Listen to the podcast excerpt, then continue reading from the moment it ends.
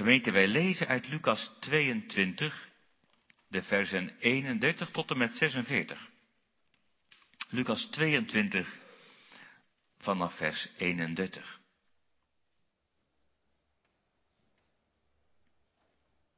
En we lezen daar Gods woord als volgt.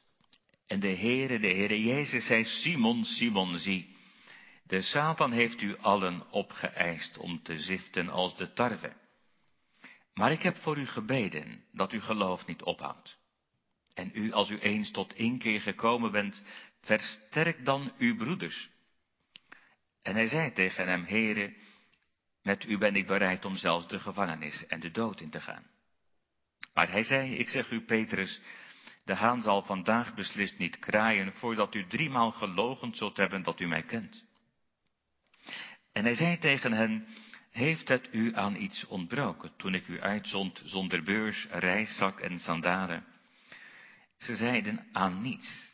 Hij zei dan tegen hen, maar nu, laat wie een beurs heeft hem meenemen, evenzo ook een reiszak.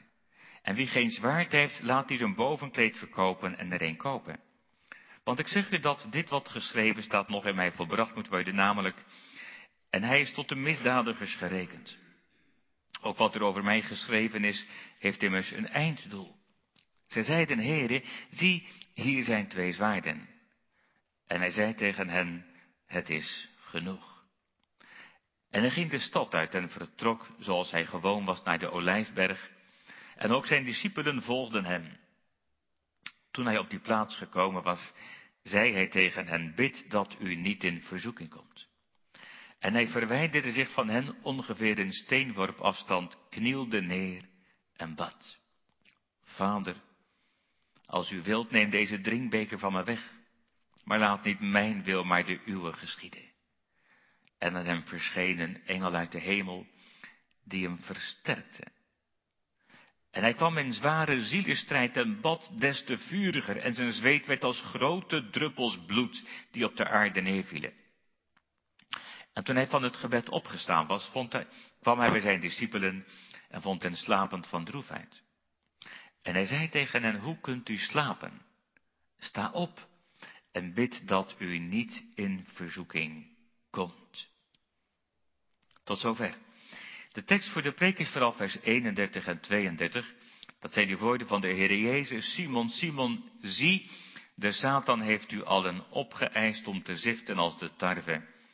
Maar ik heb voor u gebeden dat uw geloof niet ophoudt. En als u eens tot inkeer gekomen bent, versterk dan uw broeders.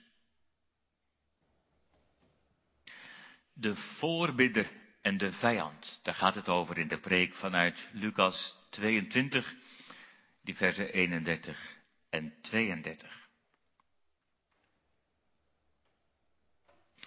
Gemeente, in die tekst gaat het over gebed En ik hoef u niet te vertellen hoe belangrijk dat is. We weten het allemaal in theorie, maar ook in zulke dagen komt dat nog veel meer dan anders op je af. Wat is er belangrijk? Dat er gebeden wordt. Ik denk dat heel veel mensen telkens weer op NOS zitten te kijken, op die website, wat is er nou weer? Is er iets, iets meer bekend? En je kunt er helemaal door beheerst worden. En wie is daar te goed voor? Maar is het niet des te meer een taak, juist ook voor ons, om meer dan anders die tijd te zoeken? Om tijd door te brengen met de Heere God.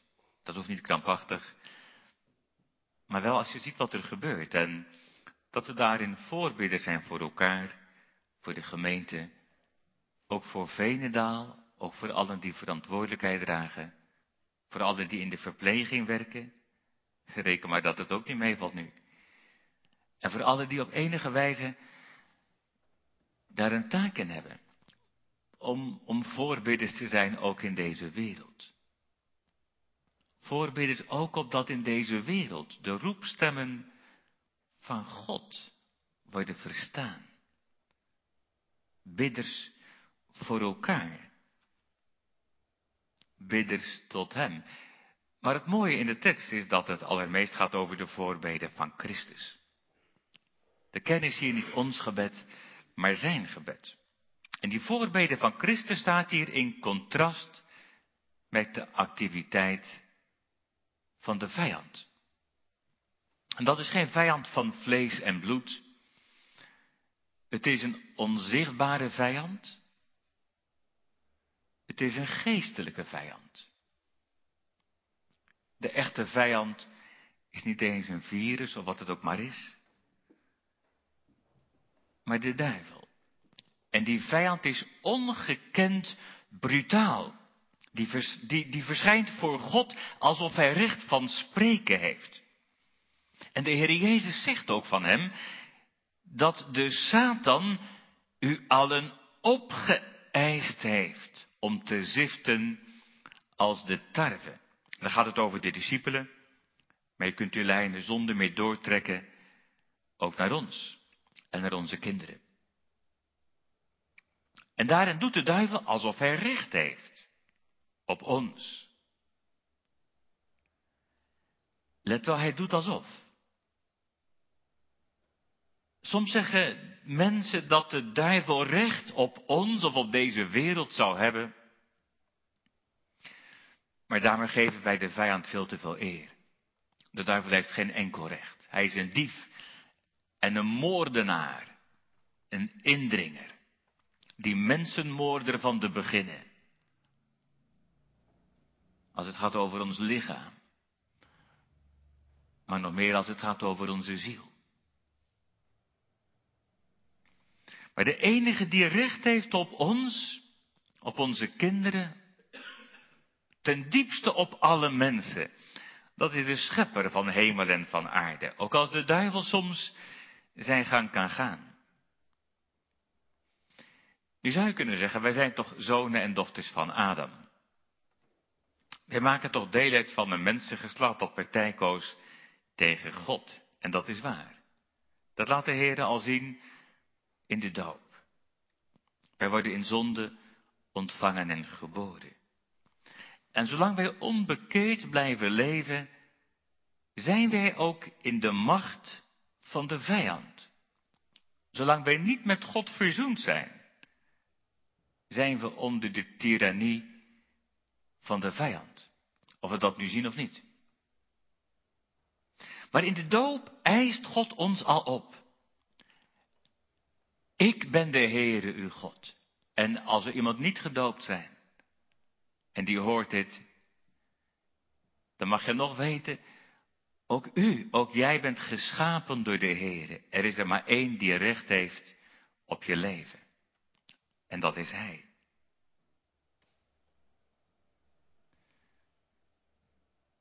Dat wil in de Bijbel niet zeggen dat iedereen zalig wordt. Denk maar aan die kring van de discipelen tot wie het in de eerste instantie gesproken wordt. Daar zien we ook een Judas. Denk ook aan deze wereld. Velen willen van God niet weten. Je kunt ook in de kerk zitten. En toch in je hart afstand genomen van God. Dan heeft de duivel zijn zin. Als wij de Heeren verlaten en bij de Heere wegblijven. En hier waarschuwt Christus voor het gevaar. Een gevaar zelfs voor de kinderen van God. Hij zegt, Simon, Simon, zie, de Satan heeft u allen opgeëist om te ziften als de tarwe. En de duivel doet alsof hij recht heeft op iedereen, zelfs op de kinderen van God. Het valt ook op hoe actief de duivel is in die dagen rondom het lijden van Christus als het heen gaat naar de kruisiging. Als je in het hoofdstuk leest, Lucas 22, dan staat er in het begin dat die Satan in Judas vaart. En als je iets verder leest, dan zie je dat er ruzie komt, ook bij de discipelen. Meteen na het heilige avondmaal. Avondmaal gevierd en ze beginnen te twisten. En ook hier zien we dat de vijand actief is. En dat weten we uit heel de Bijbel. Denk aan al die keren dat we bij openbaring hebben stilgestaan, die lessen eruit gehoord hebben. Maar denk ook aan de Petrusbrief. Het gaat hier over Petrus. Petrus schrijft er later zelf ook over dat de Satan rondgaat als een briesende leeuw, met maar één bedoeling, om te verslinden en te verscheuren. Het gaat hier over, over het ziften van de tarwe. Je kunt dan denken aan een grote zeef. En, en dan worden die gedorste korenkorrels op zo'n grote zeef gelegd. En dan worden de korenkorrels in de lucht geworpen. Dan kan het kaf wegwaaien en tegelijk valt het zand en het verdere veld tussen die mazen van de zeef op de grond. En de korenkorrels blijven liggen. Normaal gesproken, dan wordt die tarwe gezift om het vuil en het kaf te verwijderen. Maar als de duivel de tarwe wil ziften, dan is de bedoeling van de vijand dat de korenkorrels te gronden zullen gaan. Dat die korenkorrels door de mand zullen vallen en verdwijnen. Als je denkt aan de vijand, die ons allen heeft opgeëist om te ziften als de tarwe. Nou, dan kun je bang worden. Dan kun je nog banger worden dan van een virus. Hoe afschuwelijk dat virus ook is. En je kunt denken, wat zullen we meemaken? Wat zal de eindtijd brengen? Zal het hier worden net als in Italië? Zal het erger worden? Zal het meevallen? Zal het ook in mijn eigen familie, in mijn eigen gezin, in mijn eigen leven komen? Toch is dat niet de bedoeling van Christus, om ons bang te maken. Als hij waarschuwt voor het gevaar, doet hij dat als de voorbidder. Hij zegt niet tegen Petrus, ik heb voor u gebeden. Dat uw geloof niet ophoudt. Als je alleen let op de vijand, zal je wanhopig worden. Maar de Heilige Geest leert ons verder zien op Christus. Het geloof richt zich op Hem, die het eerste en het laatste woord heeft. En laat er dan ook aan ons maar iets te merken zijn dat wij weten van die hoop, van een vastheid die de wereld niet kent, inderdaad. Maar die ook in deze tijd in de wereld bekend wordt gemaakt. Want het is ook vandaag nog genadetijd. Het zijn ook voor de gelovigen woorden van hoop in een hopeloze tijd. Ondertussen, laten we nog eens wat dieper ingaan op dat ziften van de tarwe door de vijand. Je ziet in gedachten hoe die korenkorrels heen en weer worden geschud op die zeef. En dat wil dat ook iets zien dat de Heer Jezus ons geen rust, geen gemak, geen comfort heeft beloofd. Het heeft iets net als die storm op het meer heen en weer geschud. Iets van de angst die je dan kunt voelen, de onzekerheid. Je raakt al die vastheid kwijt, heen en weer, door vragen, door twijfel.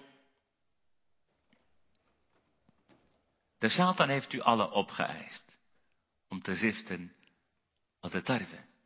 Wat wil de duivel? Wat is de bedoeling van de vijand? Nou, laat ik een paar dingen noemen. Dat we in opstand komen. Of dat we kwaad gaan denken van God. Als mensen zeggen, als er een God is, en als ik dan dit zie, nou, dan hoeft het voor mij helemaal niet meer.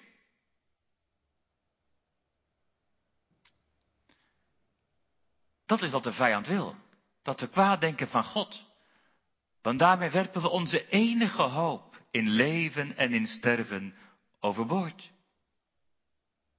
Wat wil de duivel nog meer? Dat we twijfelen. Is het wel waar? Is die vijand er wel? Is die Bijbel wel waar? Kan ik daar wel op vertrouwen? Is die schuilplaats bij de Heer wel veilig? Die twijfel, die je kan verlammen. Of dat je denkt, waarom zou ik nog bidden? Of je voelt je moedeloos, laat maar zitten. Of dat je alleen maar eigenlijk alles laat gebeuren. Als je roekeloos wordt, kan ook. Op een heel andere manier kan de duivel proberen zijn zin te krijgen. Als je deze tijd misschien thuis zit, wat moet u doen? Achter internet. Nou, degenen die met ons verbonden zijn, die krijgen iets van het woord mee. En er is de komende tijd ook op internet heel wat goeds te vinden. Maar er is ook heel wat kwaad te vinden. Juist als je thuis zit, misschien alleen thuis zit. Als je denkt, wat moet ik doen? Nou, ik ga maar achter, achter mijn scherm. En je verdoet je tijd. Dat kan. Of je zoekt echt gore funzigheid. Ja, je zoekt het niet, maar je wordt ermee geconfronteerd en je gaat. En je laat je in dat web verstrikken. Dan heeft de duivelse zin. Als je door de mand valt.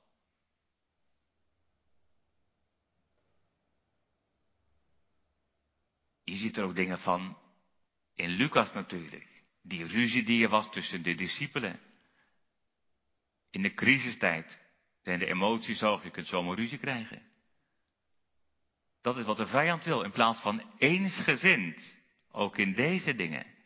Eensgezind in het gebed, maar ook in het zoeken van een beleid. Wat is wijs, wat is niet wijs? Wat zullen we wel, wat zullen we niet doen? Ook als gemeente, als kerk, ook met het pastoraat, met de berichtgever, noem het allemaal maar op. Als er verdeeldheid komt. Ook daarin heeft de duivel bijzondere belangstelling voor de ambtsdragers, om verdeeldheid te zaaien, twist. Je kunt in heel veel dingen meedenken. Ik heb hier wel eens over gepreekt, in een heel andere situatie, ook hier in de Vredeskerk. Dan noem je ook andere dingen. Maar denk er zelf ook maar over na. Op welke manieren probeert de vijand zijn zin te krijgen, juist in deze tijd? Als de vijand ons opgeëist heeft om te ziften als de tarwe. In alles wat hij wil, is dat we onze hoop verliezen. En dat we het niet zoeken waar het te vinden is. Dat we onze knieën niet buigen voor hem. Maar waar u dat wel doet. En waar u zich verootmoedigt voor hem. En hem aanroept. En u hoop op hem vestigt. En waar jullie dat doen. Daar heeft de vijand verloren. Christus waarschuwt voor het gevaar. De Satan heeft u allen opgeëist om te ziften als de tarwe. Nou, wat dan? Moeten we dan vanmorgen afspreken, we gaan er tegenaan. En we gaan die vijand verslaan. Voorwaarts christenstrijders. En dan zullen wij wel laten zien dat we staande blijven.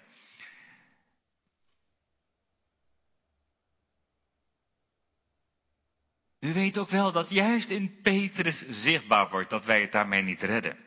Als er iemand vurig die strijd wilde aangaan, dan Petrus wel. En als er iemand dacht, ik kan tegen die vijand wel op, dan Petrus, hij zegt het ook, vers 33, ik ben bereid met uzelf de gevangenis en de dood in te gaan. Maar met al die zelfverzekerdheid en dat eigen vertrouwen valt hij dezelfde avond nog door de mand. Erger dan iemand ooit had gedacht. Dat is ook een baken zee voor ons. Als wij het verwachten van onze eigen standvastigheid, dan vallen we vroeg of laat door de mand. Maar des te meer het evangelie van Gods genade. Ik heb voor u gebeden. Dat uw geloof niet ophoudt. Onze redding staat of valt niet met iets van onszelf, maar met Christus en zijn volbrachte werk. Ik heb voor u gebeden. Daar wil ik een paar dingen meer van zeggen. Er staat op dat het, staat dat het in de voltooide tijd is. Ik heb voor u gebeden. De Heer Jezus zegt niet, ik ga morgen voor u bidden. Hij zegt, ik heb het al gedaan. Ik heb voor u gebeden.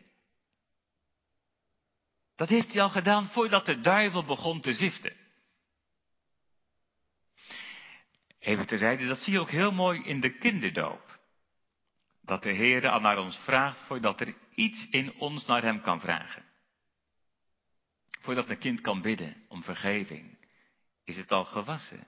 Voordat de kind kan vragen en roepen tot God, heeft de Heer zijn naam allen ons verbonden.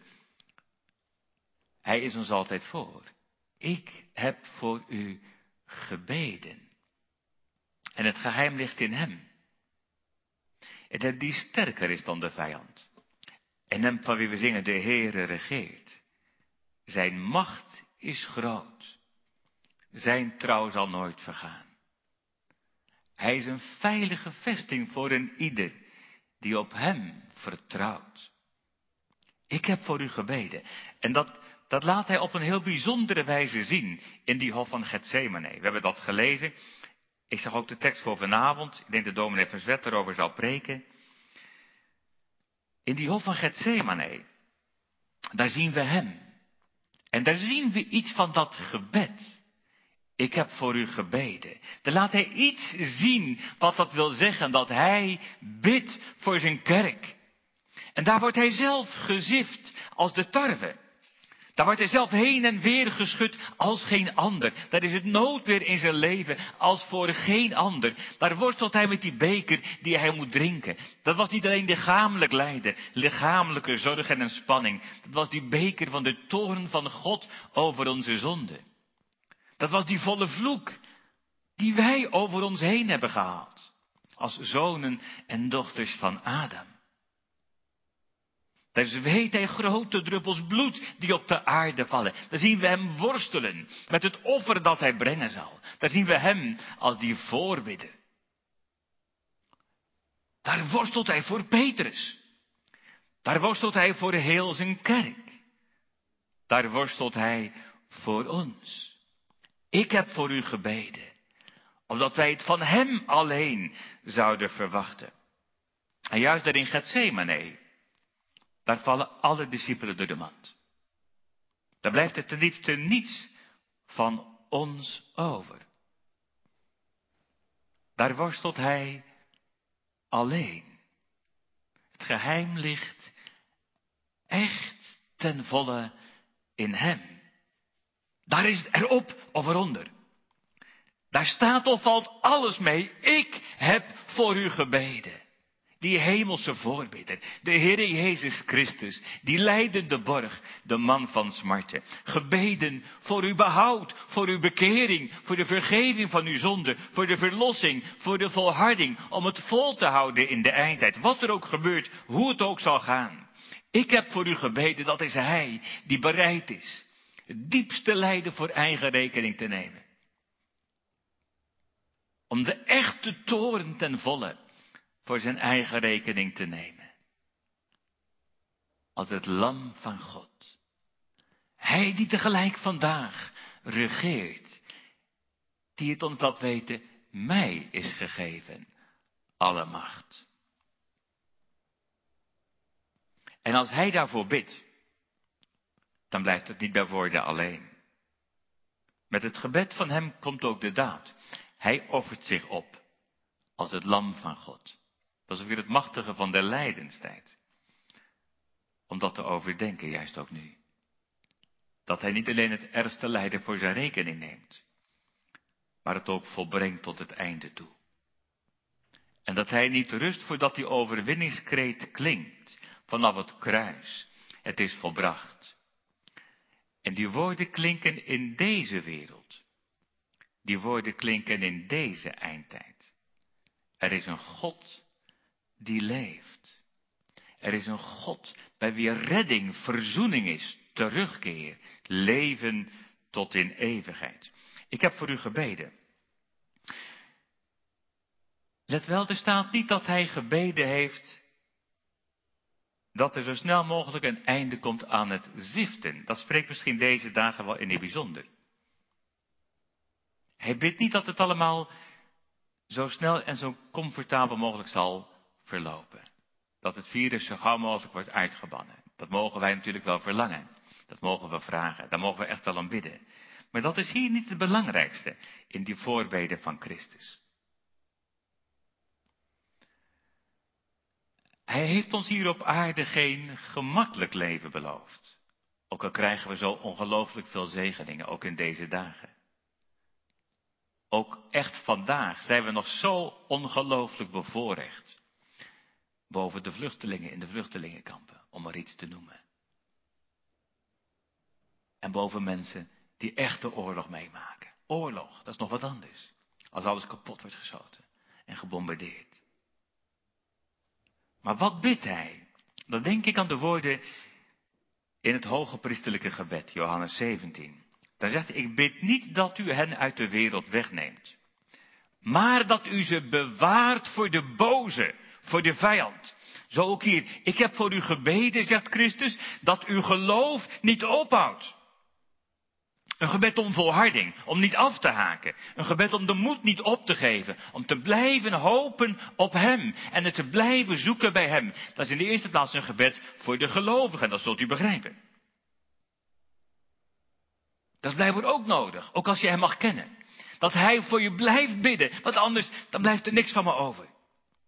Ik heb voor u gebeden dat uw geloof niet ophoudt. Wat er ook gebeurt. Maar dat uw geloof niet ophoudt. Want al het aardje raken we vroeg of laat toch kwijt. Maar het geloof blijft. Want dat gaat over in aanschouwen. Dat is het belangrijkste. Dat is het eerste wat hij vraagt. En mogen wij alles bij hem brengen. Alle zorgen bij hem brengen. Alle verlangens. Maar het eerste wat hij vraagt is dat ons geloof niet ophoudt. Dat we zo in deze wereld zullen staan, ook in deze dagen. Niet als wanhopige mensen, als angstige mensen, maar als mensen met hoop. Dat uw geloof niet ophoudt. Maar kun je zeggen, ja, het is hier toch een gebed voor de kinderen van God. Als hij nou eens niet voor mij bidt, hoe weet ik dat dan? Dan zou ik eerst zeggen, laat het nou eens even op u inwerken. Als hij nou niet voor mij bidt, wat dan? Denk daar eens over na.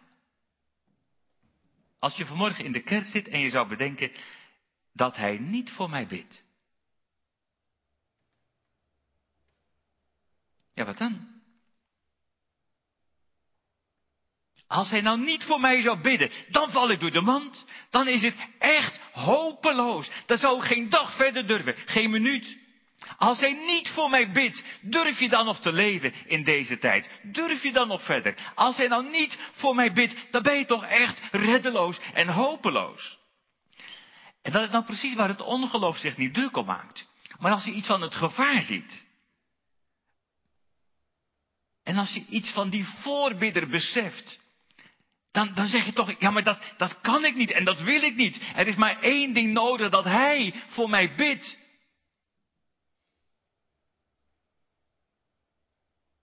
Want je wilt niet meer zonder hem. En je kunt niet meer zonder hem. En je durft niet meer zonder hem.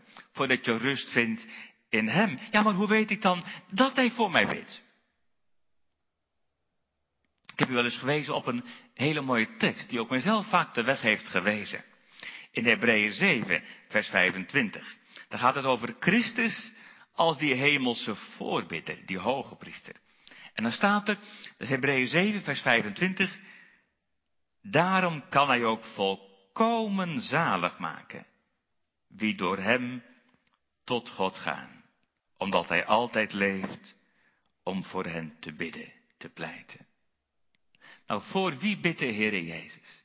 Daar staat voor iedereen die door hem tot God gaat. Nou, de kinderen van God kennen de route, om zo te zeggen. Toch? Als je de Heer Jezus lief hebt gekregen, dan weet je die route omdat hij je heiland is geworden. Maar als je hem nog niet kent, dan wordt hier de weg gewezen. Dan word je hier niet weggestuurd, maar genodigd, geroepen om te komen. Want de Heer Jezus zegt, voor wie door hem tot God gaan.